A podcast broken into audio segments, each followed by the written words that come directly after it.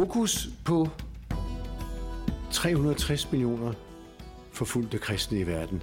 Der har vi haft to afsnit i podcastserien her med Jens Christian Lund Jensen, som er generalsekretær i Open Doors. Jeg har faktisk inviteret Jens Christian Lund Jensen ind igen. Ikke for at fortælle om organisationen, men rent faktisk om at fortælle om nogle helt personlige historier, som han oplevede på sine rejser i medfør af sine opgaver. Og velkommen tilbage igen skal du være, Jens Christian.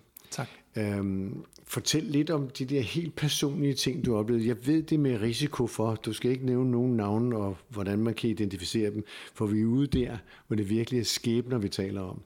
Men fortæl lytterne her omkring, hvad det er, at du har oplevet, som har rørt dig, og som foregår i den her verden, som vi synes på mange måder er ond, ja, men den er under, end vi måske tror.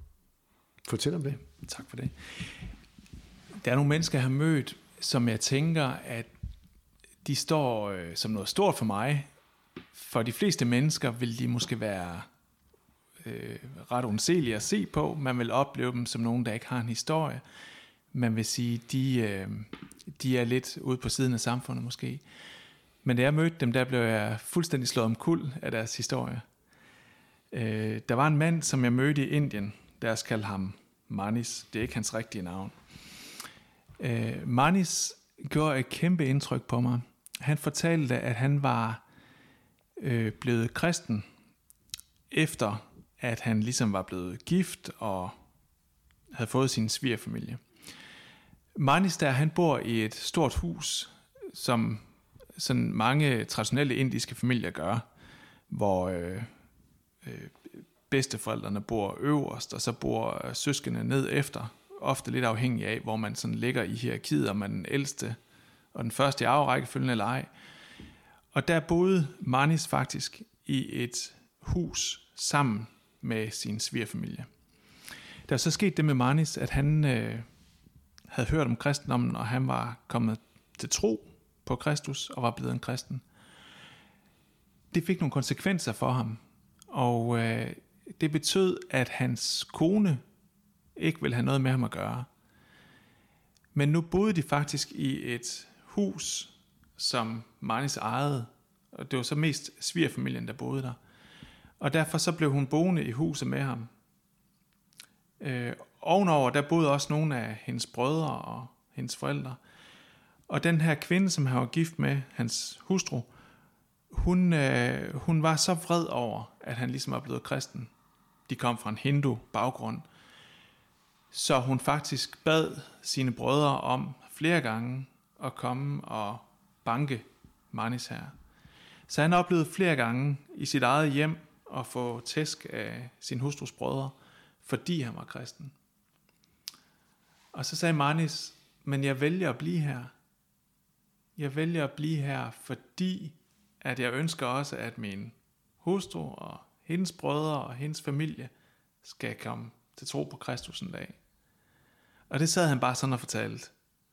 Han blev i det hus, han selv ejede. Han smed dem ikke ud, men han var fuldstændig isoleret på grund af sin tro. Og det er ofte sådan, man møder også forfølgelse i Indien. Det er måske ikke i første omgang myndighederne, men det er andre i landsbyen, i familien, som ekskluderer dig, som gør dig til andenrangsborger i dit land, eller dit samfund, eller endda i dit eget hjem.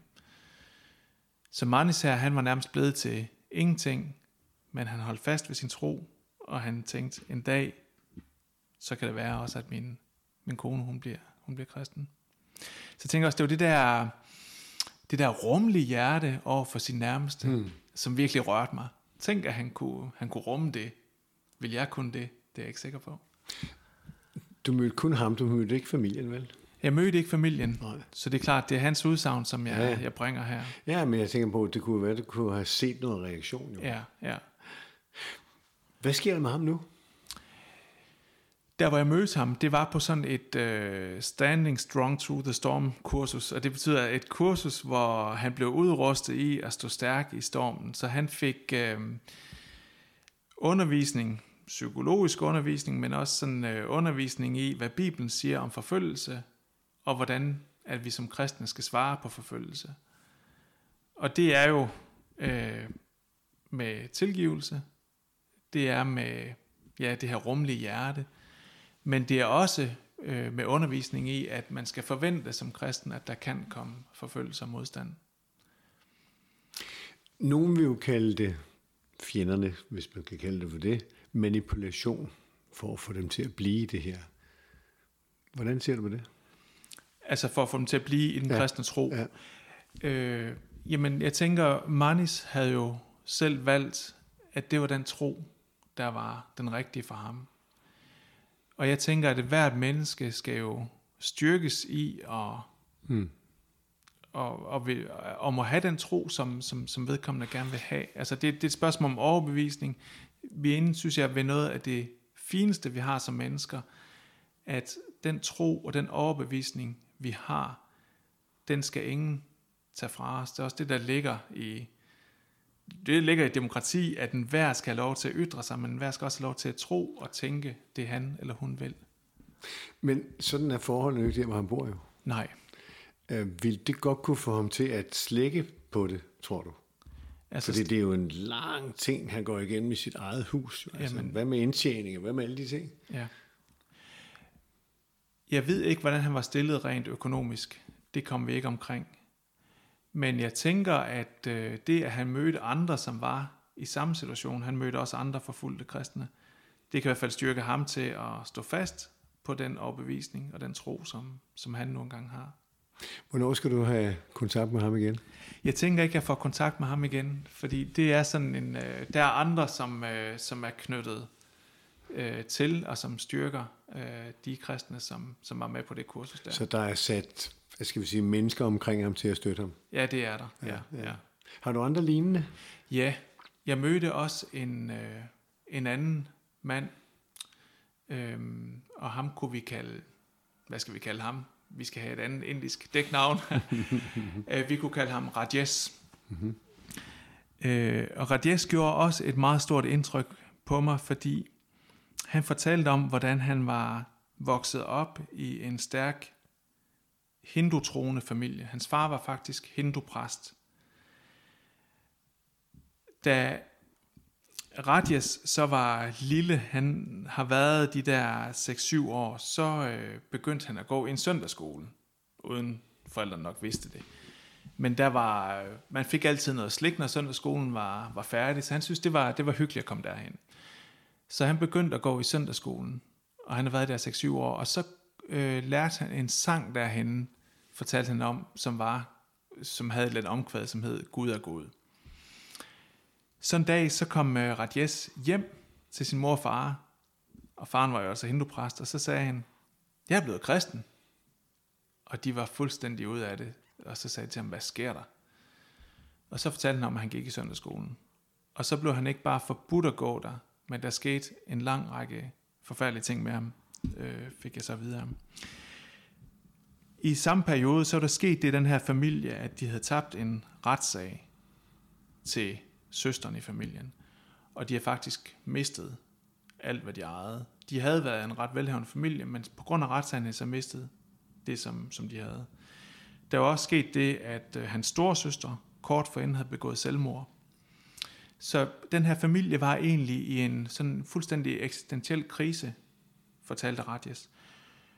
Da Radjes så kommer hjem som ganske lille dreng, som 6-7 år, og så fortæller sin mor og far, jeg er blevet kristen, så er det som om, der går en pros op for moren og faren, og så siger de, ah, det er derfor, de her ulykker har ramt os.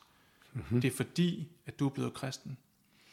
Og så fortæller Radjes en helt forfærdelig historie, som jeg aldrig glemmer, er jeg bange for. Han fortæller, at han blev lænket i et hundehus ud foran huset. Og der levede han så hele sin barndom op til han blev teenager i et hundehus med en lænke om halsen. Der blev stillet mad ud i en skål til ham, fortalte han. Og nogle gange så sultede han. Nogle gange helt op til 7-10 dage. Og han var et barn. Han fortæller sig selv, at øh, det, der skete i løbet af barndommen, han glemte jo alt om kristendommen og sådan noget, fordi han, han blev jo fuldstændig vandrygtet. Øh, han fortæller, at jeg blev besat af onde ånder.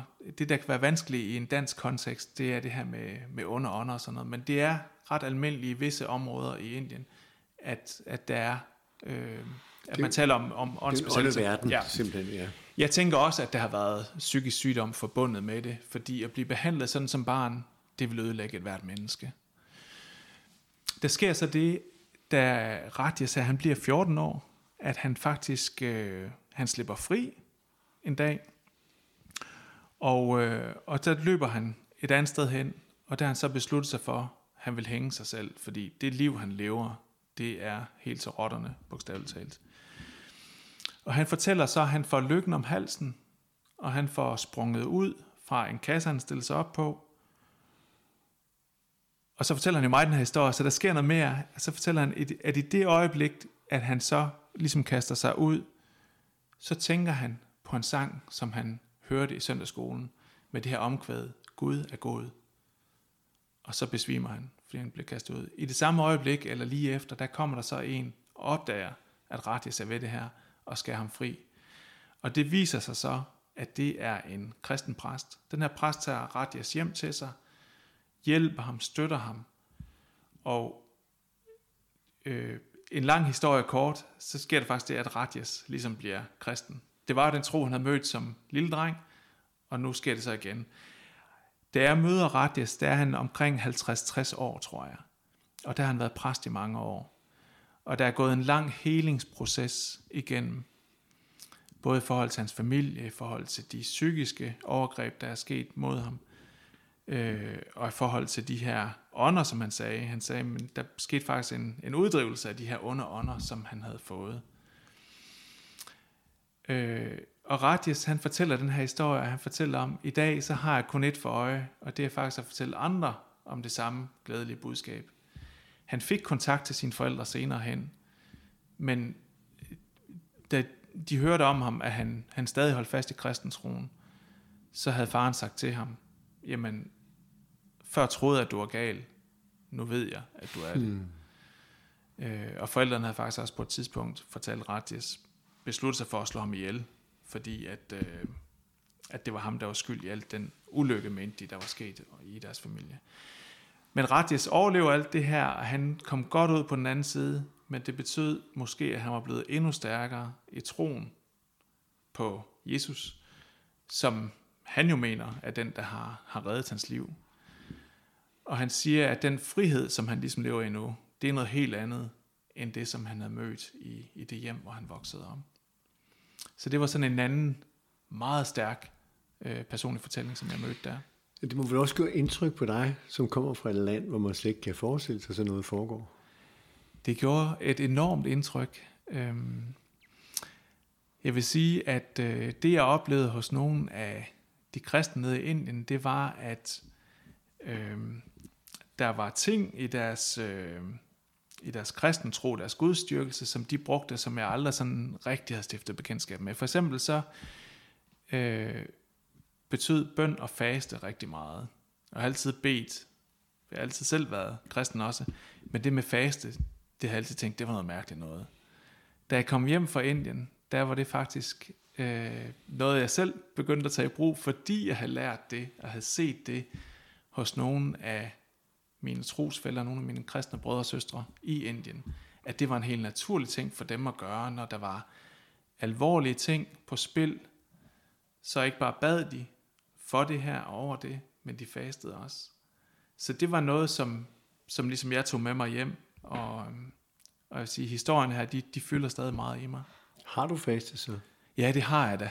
Ja. Det er da blevet noget, som, som jeg efter at have været i Indien faktisk øh, sådan har, har taget ind i, i min kristen tro. Hvad har det gjort ved dig så?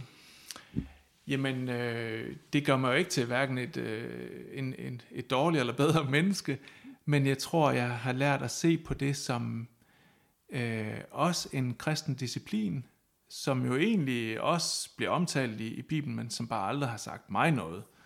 Men da jeg så det i den her kontekst i Indien, så gik det op for mig.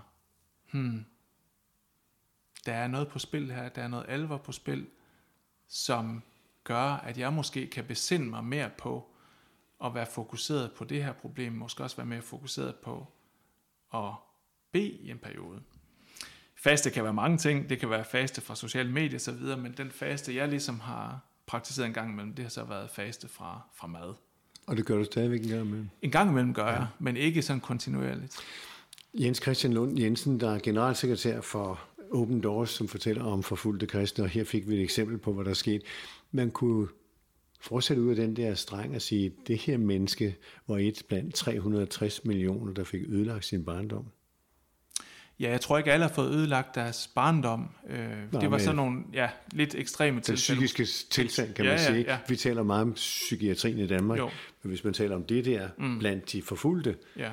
hvad kan det så igen med? Ja, jamen det er rigtigt. Øhm, jamen der er jo mange konsekvenser ved, at øh, din personlige frihed bliver begrænset, og ikke mindst din, øh, din ret til at tro, hvad du vil fordi du ender og rører noget meget, meget dybt i et menneske, når det er ens overbevisning, som du ikke har lov til at beholde. Øh, hvis det er et, ja, et totalitært regime, mm. eller der er nogle regler, nogle love i din land, eller hvis du bor i et samfund, hvor, hvor du ikke får lov til at praktisere og være den, du gerne vil, så kan det jo have nogle alvorlige konsekvenser. Men hvis vi taler om kristne ja. i verden, der er forfulgte, så kan man jo også sige, at der er nogen, der kan man sige, anklager missionærerne for at gå ud og lave en kristendom, som slet ikke hører hjemme, for eksempel i vores vestlige samfund. Og det er den, vi måske ikke har forstand på. Mm. Hvordan ser du på det? Jamen, jeg tænker, man skal være utrolig varsom, øh, når det gælder tro, også når det gælder kristen tro. Fordi bliver det noget, man presser ned over hovedet på folk, så er det jo ikke længere en tro. Øh, bliver det noget, man kan opnå fordele ved på en eller anden måde ved at konvertere til kristentroen for eksempel, så har det intet for mig at se at gøre med kristen tro, fordi så er der en tvang eller nogle lokkemidler indover, og, og det, øh, det, det kan være dybt ødelæggende for mennesker, ja. Det tager du også an for. Ja, fuldstændig. Kan man sige, at der måske sidder nogle politikere rundt omkring i de her lande, som er bange for, at sådan noget vil ske, og dermed, at andre vil overtage magten? Er det sådan noget? Øhm, yderste konsekvens. Ja, altså der er i hvert fald i nogle lande er der jo en, øh, en nationalistisk strømning, som også mm. går ud på at bevare den stedlige religion. Ja. Øh, tilbage til rødderne, tilbage til den gamle religion. Mm. Men i mange af de her lande overser man jo også, at kristendommen faktisk har været der i århundreder eller årtusinder. For eksempel i Indien, hvor man regner med, at kristendommen har været der i et par tusind år. Ikke? Lang tid før kristendommen kom til Danmark. Hmm, hmm. Og jødedommen for den sags skyld også. Ja, ja. Ja. Så, så det I arbejder, det du arbejder med i Open Doors, det er forståelse, men også undervisning i, hvordan man skal være som kristen. Ja, det kan man godt sige, og ikke mindst øh, kristen under pres. Hmm. Altså hvordan øh, vi prøver at undervise i, hvordan kan vi stå i, øh, i det pres, der kommer, når der opstår forfølgelse.